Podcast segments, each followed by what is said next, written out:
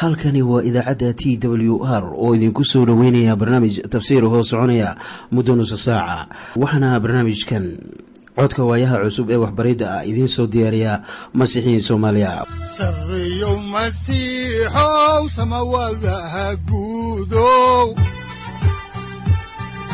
Siraadkii adduunkow subanaha eebow sareyow masiixow samawadaha guudow siraadkii adduunkow subanaha adigoo ifkaan soo saldhiganba adigoo kutubtiisanaye udanogu saaciiday sharxin sifahaaga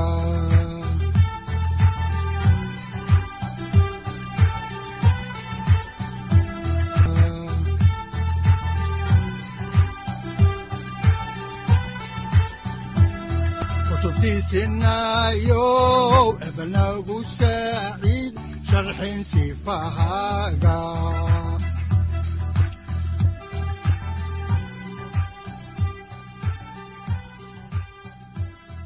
ku soo dhowaada dhegaystayaal barnaamijkeenna dhammaantiinba. Waxaannu horay u sii ambaqaadi doonnaa daraasaadkii aynu ka soo xiganaynay kitaabka bilowgii ee loogu magacdaray baibalka dhammaantii. Waxaannu halkii idinka sii wadaynaa cutubkii shan iyo labaatanaad ee aynu idinku soo bilownay cashirkii kan inooga horreeyey.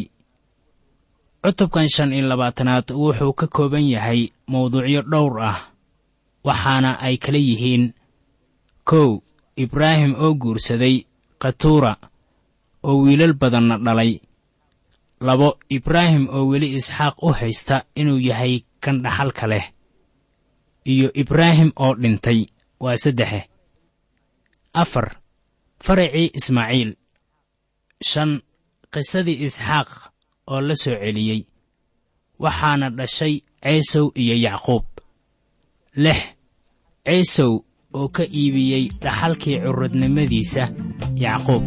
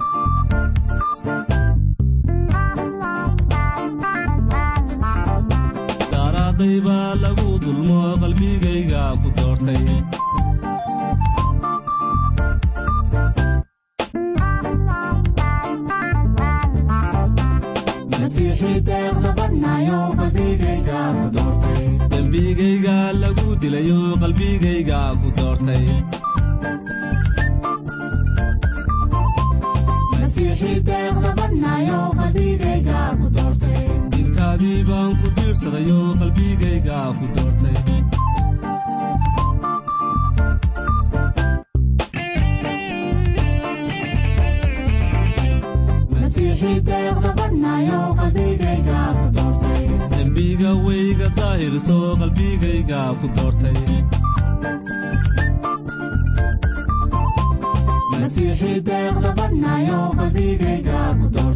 Dhiiggaagii baygu daahirso qalbigayga ku doortay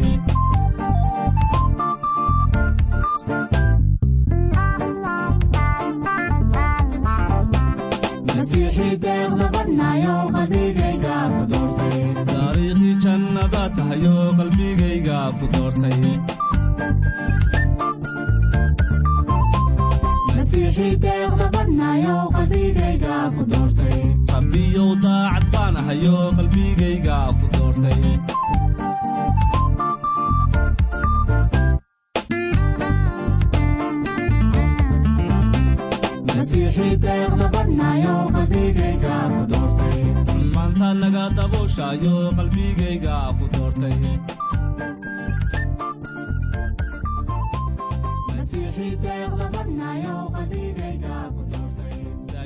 markii noogu dambaysay waxaannu soo gaarnay kala duwanaanshaha u dhexeeya ismaaciil iyo isxaaq.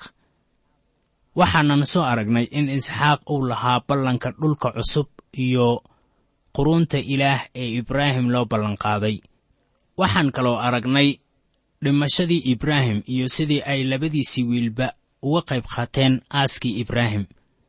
Iminkana aynu eegno maaddada ah taariikhdii isxaaq oo lagu soo noqday iyo dhalashadii ciisow iyo yacquub. Haddaba aynu ku bilowno cashirkeenna cutubka shan iyo labaatanaad aayadda sagaal iyo tobanaad oo leh kuwanuna waa farcankii isxaaq ina ibraahim ibraahim isxaaq buu dhalay. Waa faracan kan aynu daba soconayno. Ibraahimna isxaaq buu dhalay isxaaqna yacquub buu dhalay. Taasi ayuu ka bilowdaa cutubka koowaad ee matayos. Mid waliba oo ragga ah waxay lahaayeen ama dhaleen wiilal kale. Sidaan aragnayba ibraahim wuxuu dhalay wiilal dhowr ah laakiin abtirka nimankaas ama wiilashaas kale lama raacin. Waxaase la raacay abtirkii isxaaq. La iloobi kari maayo ismaaciil iyo midyaan iyo medaan iyo kuwii kaleba waxayse mararka qaarkood soo dhex gelayaan nolosha faracii isxaaq ha yeeshee faracooda la raaci maayo. Haatanna aynu dhegaysanno waxaa kitaabka bilowgii cutubka shan iyo labaatanaad aayadaha labaatan ilaa kow iyo labaatan lagu qoray. Isxaaqna afartan sannadood buu jiray markuu guursaday rebeqa ina batuu'eel kii dalkiisa ahaa suuriya ee reer fadan aaraam iyadoo ahayd laabaan kii dalkiisu suuriya ahaa. Walaashiis isxaaqna naagtiisuu rabbiga u baryey maxaa yeelay ma dhalays bay ahayd. Rabbiguna waa ka aqbalay. Markaasay naagtiisii rebeqa uuraysatay. Waa wax xiise leh in rebeqa isla sidii zahra ay ahayd ma dhalays. Laakiin isxaaq ilaah buu u baryey haatanna waxay uuraysatay mataano aynu halkii ka sii wadno oo aan eegno aayadda laba-iyo labaatanaad oo leh carruurtiina uurkeeday isku dhex riixriixeen markaasay tidhi hadday saas tahay maxaan sidan u ahay?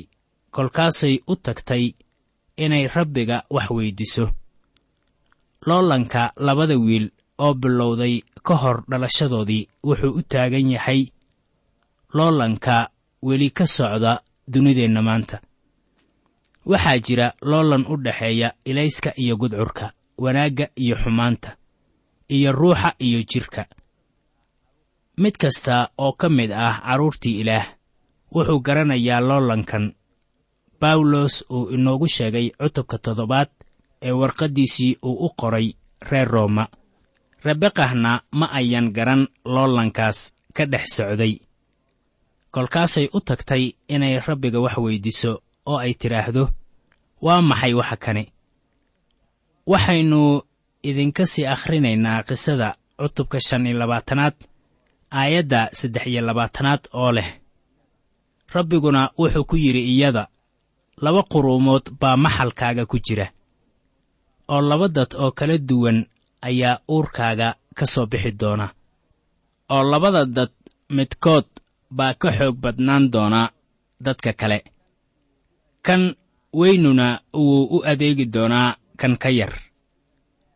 Warbixintan ayuu ilaah ka siiyey iyada xaalkan ee ah in kan weyn uu u adeegi doono kan yar. Waa inay rumaysaa oo weliba wiilkeeda yarna waa inuu taas rumeeyaa. Waa markii uu dhasho eh. Weli fari kama qodna aynu sii wadno oo aan eegno aayadaha xiga ee afar iyo labaatan ilaa shan iyo labaatan ee isla cutubkan. Waxaa qoran sida tan oo markii wakhtigii ay umuli lahayd dhammaaday. Bal eeg waxaa maxalkeedii ku jiray mataano oo kii hore wuxuu soo baxay isagoo cas. Korkiisa oo dhammuna wuxuu u ekaa dhar dhogor laga sameeyey. Magiciisiina waxay u baxsheen ceesow. Macnaha magaca ayaa ka dhigan casaan waayo isagu wuxuu ahaa kii ugu horreeyey ee dhasha waxaana isaga laga dhigay curadka laakiin curudku waa inuu u adeego kan ka yar. Sidaasaa loo sheegay rebeqa innagoo halkii ka sii wadayna ayaannu haatanna akhrinaynaa cutubka shan iyo labaatanaad aayadda lix iyo labaatanaad oo leh. Dabadeedna waxaa soo baxay walaalkiis. Gacantiisuna waxay ku dhegganayd cidhibta ceesow magiciisiina waxaa loo bixiyey yacquub. Isxaaqna lixdan sannadood buu jiray markay iyaga u dhashay. Isxaaq iyo rebeqa waxay isqabeen ilaa iyo lixdan sannadood ka hor intaanay carruuri u dhalan. Kan weyn wuxuu ahaa ceesow waxayna ka micno tahay gaduudow ama cadde. Hadbatii kuu roon. Yacquub wuxuu ku dhegganaa cidhibta ceesow waxayna ugu yeedheen yacquub oo macnaha ka dambeeyana uu yahay maquuniye. Waayo wuxuu doonayey inuu noqdo kan curadka ah amase inuu qaato jegadiisa laakiin ilaah mar horuu taas u ballanqaaday. Iminkana aynu wax ka eegno maaddadan ah ceesow oo curudnimadiisii ka iibiyey yacquub innagoo weli bartamaha kaga jirna faallada kitaabka ayaa qisadu ay ka sii soconaysaa cutubka shan iyo labaatanaad aayadda toddoba iyo labaatanaad. Waxaana qoran sida tan. Wiilashiina way koreen oo ciise wuxuu ahaa nin ugaarsiga aad u yaqaan. Wuxuuna ahaa nin duurgal ah. Yacquubna wuxuu ahaa nin aamusan oo teendhooyin degi jiray. Waxaynu haatan eegaynaa labadan wiil marka ay ku korayaan gurigan waa laba mataano ah laakiin ma jirin laba mataano ah oo u kala duwan sida labadan oo kale. Kuma ayan hardamin uurka hooyadood oo keliya laakiin way hardamayaan wixii inta ka dambeeya. Haddaan akhriska halkiisii ka wadno ayaa waxaa ku qoran cutubka shan iyo labaatanaad aayadda siddeed iyo labaatanaad sida tan. Isxaaqna wuu jeclaa ciisow maxaa yeelay wuxuu cuni jiray hilibkiisii ugaadha. Rabeqahna waxay jeclayd yacquub. Waxaan arki doonnaa ciisow oo iibinaya curadnimadiisii waxaa kaloo aynu horay u soo aragnay in isxaaq aad uu u jeclaa wiilka ugaarsadaha ah. Maxaa wacay? Wuxuu cuni jiray hilbaha ugaadha. Wiilkiisa ciisow ahi uu u keeno waxaad si hagaagsan u garan kartaa kala qaybsanaynta aabbaha iyo hooyada. Ay ku kala qaybsan yihiin carruurta inay keenayso dhib iyo dagaal. Gurigan looguma yeeri karo guri farxadeed. Haddaan si ambaqaadno qisada sida ay ugu qoran tahay kitaabka bilowgii ayaa waxaa ku qoran cutubka shan iyo labaatanaad aayadaha sagaal iyo labaatan ilaa laba iyo soddon sida tan. Yacquub wuxuu karsaday fuud markaasaa waxaa duurka ka yimid ciisow wuuna daalanaa markaasaa ciisow wuxuu yacquub ku yidhi waan ku baryayaaye isii aan cune fuudkaas cas. Waayo waan daalanahay. Sidaas daraaddeed magaciisii waxaa loo bixiyey edom. Yacquubna wuxuu yidhi maanta iga iibi curadnimadaada markaasaa ciisow yidhi bal eeg geeri baan ku dhowahay. Haddaba curadnimadu maxay ii taraysaa? Iminkana aynu eegno kitaabka bilowgii cutubka shan iyo labaatanaad aayadaha saddex iyo soddon ilaa afar iyo soddon. Waxaana qoran sida tan. Markaasaa yacquub uu ku yidhi maanta ii dhaaro kolkaasuu u dhaartay. Curadnimadiisiina wuxuu ka iibiyey yacquub. Yacquubna wuxuu ciisow siiyey kibis iyo fuud digir laga sameeyey. Wuuna cunay oo cabay markaasuu intuu kacay iska tegey sidaasuu ciisow u quursaday curadnimadiisii waxaa qoran sidaasuu ciisow u quursaday curadnimadiisii waana taas ahmiyadda la doonayo inaynu isla garanno. Markaa ciisow wuu fadhiistay oo cunay fuudka digireed wuxuuna wareejiyey curadnimadii waayo isaga qiimi uma lahayn. Waayo waxyaabahan ruuxa isaga qiimi uma ayan lahayn. Nasiib darrase waxaan ka baqayaa in innaga masiixiyiinta ahi ay inuga jiraan xubno la mid ah ciisow oo kale. Wax dan iyo faham ah uma hayaan waxyaabaha xagga ruuxa ah. Waxaan rumaysanahay in calaamadda masiixiga dhabta ahi ay tahay kan ruuxa ilaah uu wax baro ama uu ilaaliyo. Waa sida nin maanta haysta wax uu dhaxlo. Aynu nidhaahno dhaxalkaasi waxa weeye baibal qoysku leeyahay oo uu lahaa awowgiis waxaa dhaxalkaasi doonaya wiilkii uu awowga u ahaa oo markii la siiyo ayuu wiilkaasu wuxuu siinayaa boqol iyo konton shilin. Waayo buu odhanayaa waxaan doonayey inaan iska tuuro. Waxaa taas la mid ah wixii ciisow uu sameeyey laakiin yacquub xitaa wuu qaldanaa. Waxaanan arki doonnaa wax badan oo ka mid ah xariifnimadiisii iyo xeeshii markaan gaarno cutubka toddoba iyo labaatanaad. Iminkana waxaa inoo bilaabanaya cutubka lix iyo labaatanaad waxaannu haatan aan soo gaarnay cutubka lix iyo labaatanaad ee kitaabka bilowgii. Waxaana cutubkani uu ka kooban yahay mawduucyada kale ah. Kow ilaah oo u muuqday isxaaq oo u sii adkeeyey ballankiisii. Labo isxaaq oo si xun u tarjumay xidhiirkii rabeqa saddex isxaaq oo ku baraaray ama xoolaystay dhulkii garaar afar isxaaq oo ceelal ka qodaya garaar. Shan isxaaq oo bi'irshabac aadaya. Iyo lix muuqashadii ilaah si loo qalbi qaboojiyo isxaaq.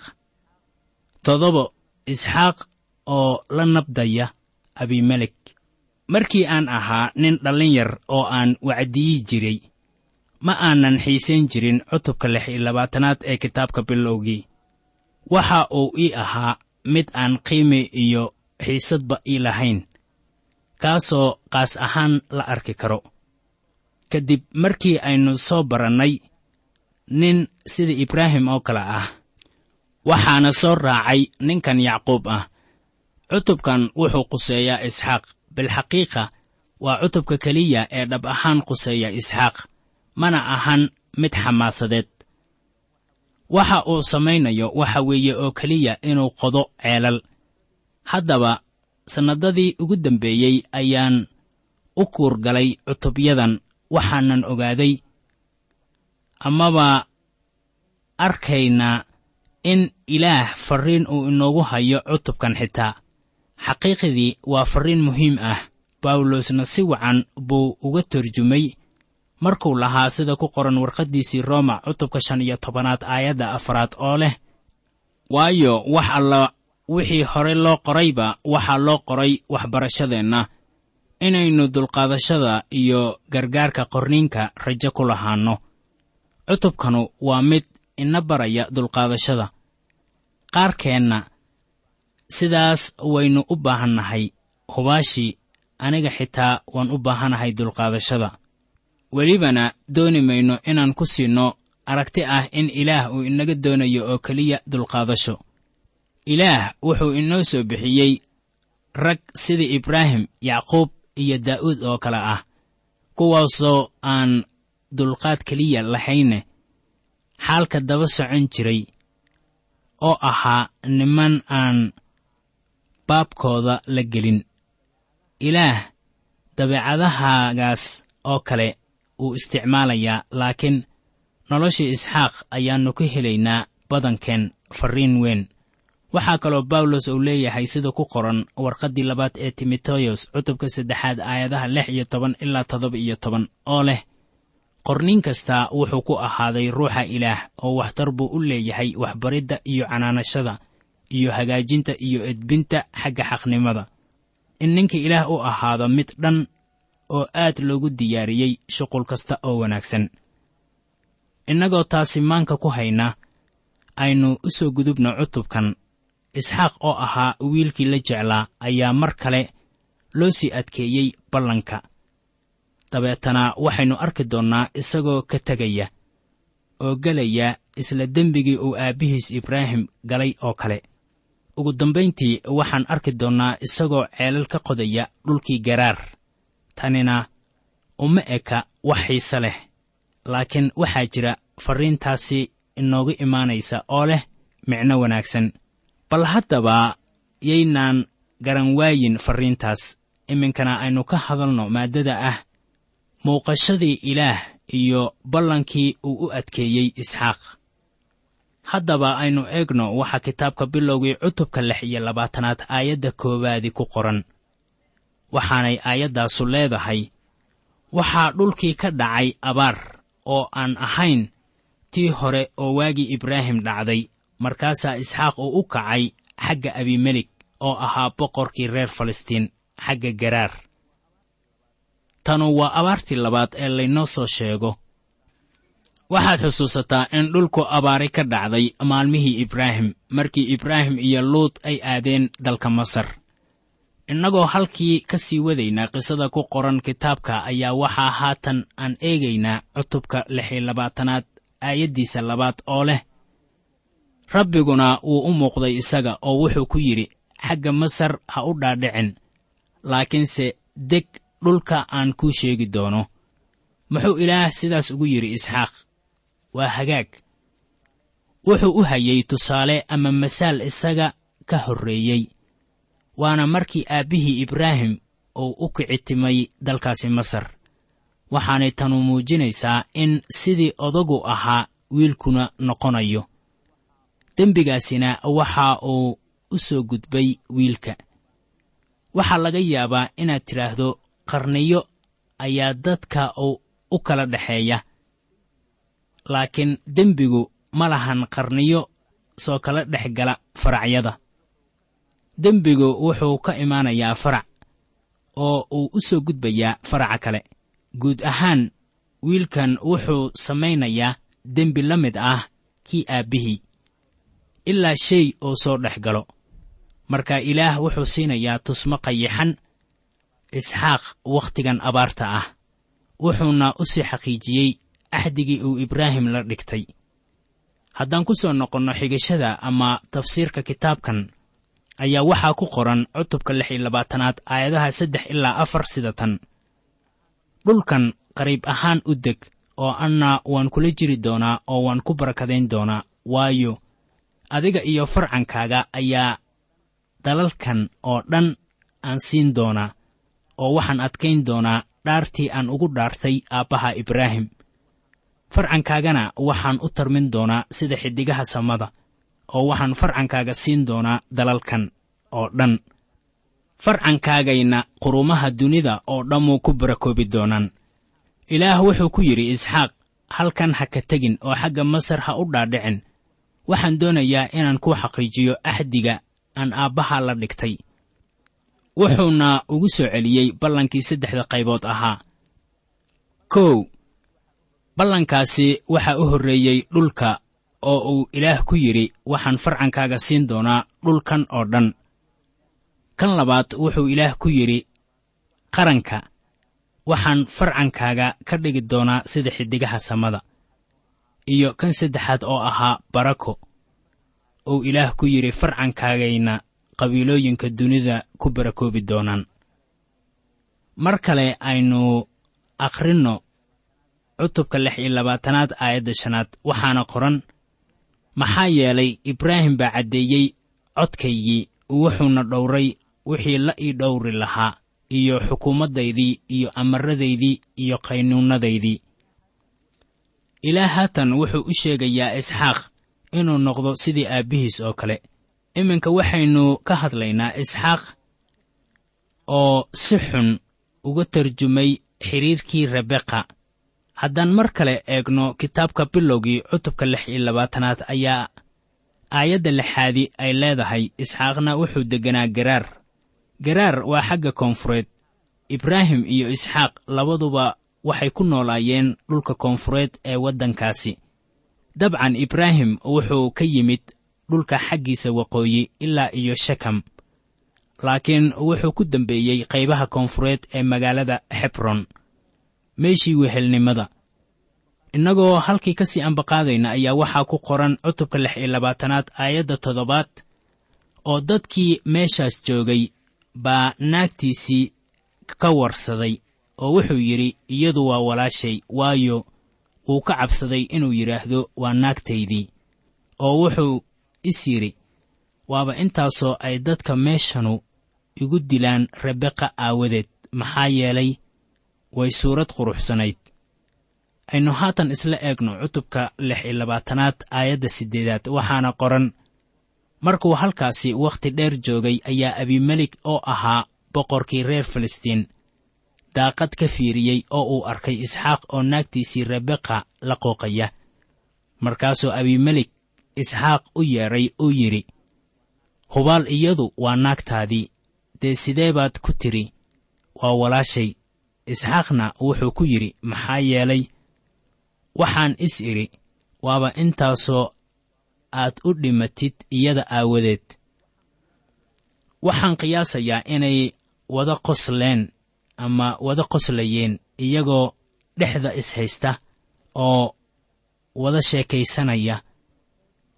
Aynu eegno waxa ku qoran cutubka lix iyo labaatanaad aayadaha sagaal ilaa toban waxaana qoran sida tan markaasuu abimelik isxaaq u yeedhay uu yidhi hubaal iyadu waa naagtaadii.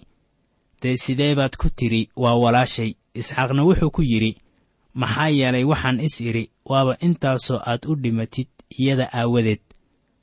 Oo abimelikna wuxuu ku yidhi war waa maxay waxaan aad nagu samaysay? Mid dadka ka mid ahu dhibyaraan buu ula jiibsan lahaa naagtaada oo kolkaasaad eed noo soo jiidi lahayd. Isxaaq wuxuu dadka dusha ka saaray khatar ah inay dembaabaan markaasaa abimelik oo hadalkiisii sii wata sida ku qoran cutubka lix iyo labaatanaad aayadda kow iyo tobanaad uu yidhi markaasaa abimelik wuxuu dadkii oo dhan ku amray oo yidhi kii ninkan ama naagtiisa taabta hubaal naftaa laga qaadi doonaa halkani waa t w r idaacadda t w r oo idinku leh ilaa ha idin barakeeyo oo ha idinku anfaco wixii aad caawi ka maqasheen barnaamijka. Waxaa barnaamijkan oo kalaa maqli doontaan habeen dambe hadahan oo kale haddiise aad doonaysaan in aad fikirkiina ka dhiibataan wixii aad caawi maqasheen ayaad nagala soo xiriiri kartaan som t w r at t w r c o k e dhegaystayaal haddii aad doonaysaan inaad mar kale dhegaysataan barnaamijka fadlan mar kale booqo www t t b o r g ama www t w r o r g halka sare waxaad ku arkaysaa markii aad gasho language ama luuqadda waxaana dooranaysaa soomaali. Haddii aad doonaysaan in aad dejisataan oo kaydsataan barnaamijka ama aad mar kale dhegaysataan fadlan mar kale booqo www t t b t w r o r g ama www t w r o r g haddii aad doonayso in laga kaalmeeyo dhinacyada fahamka kitaabka amase aad u baahan tahay duco fadlan fariimahaaga soo mari bogga aaraahda ama kommentska inana jawaab degdeg ah ayaanu ku soo diri doonaa amase ku siin doonaaye sarreyow masiixow wihiyow saacadda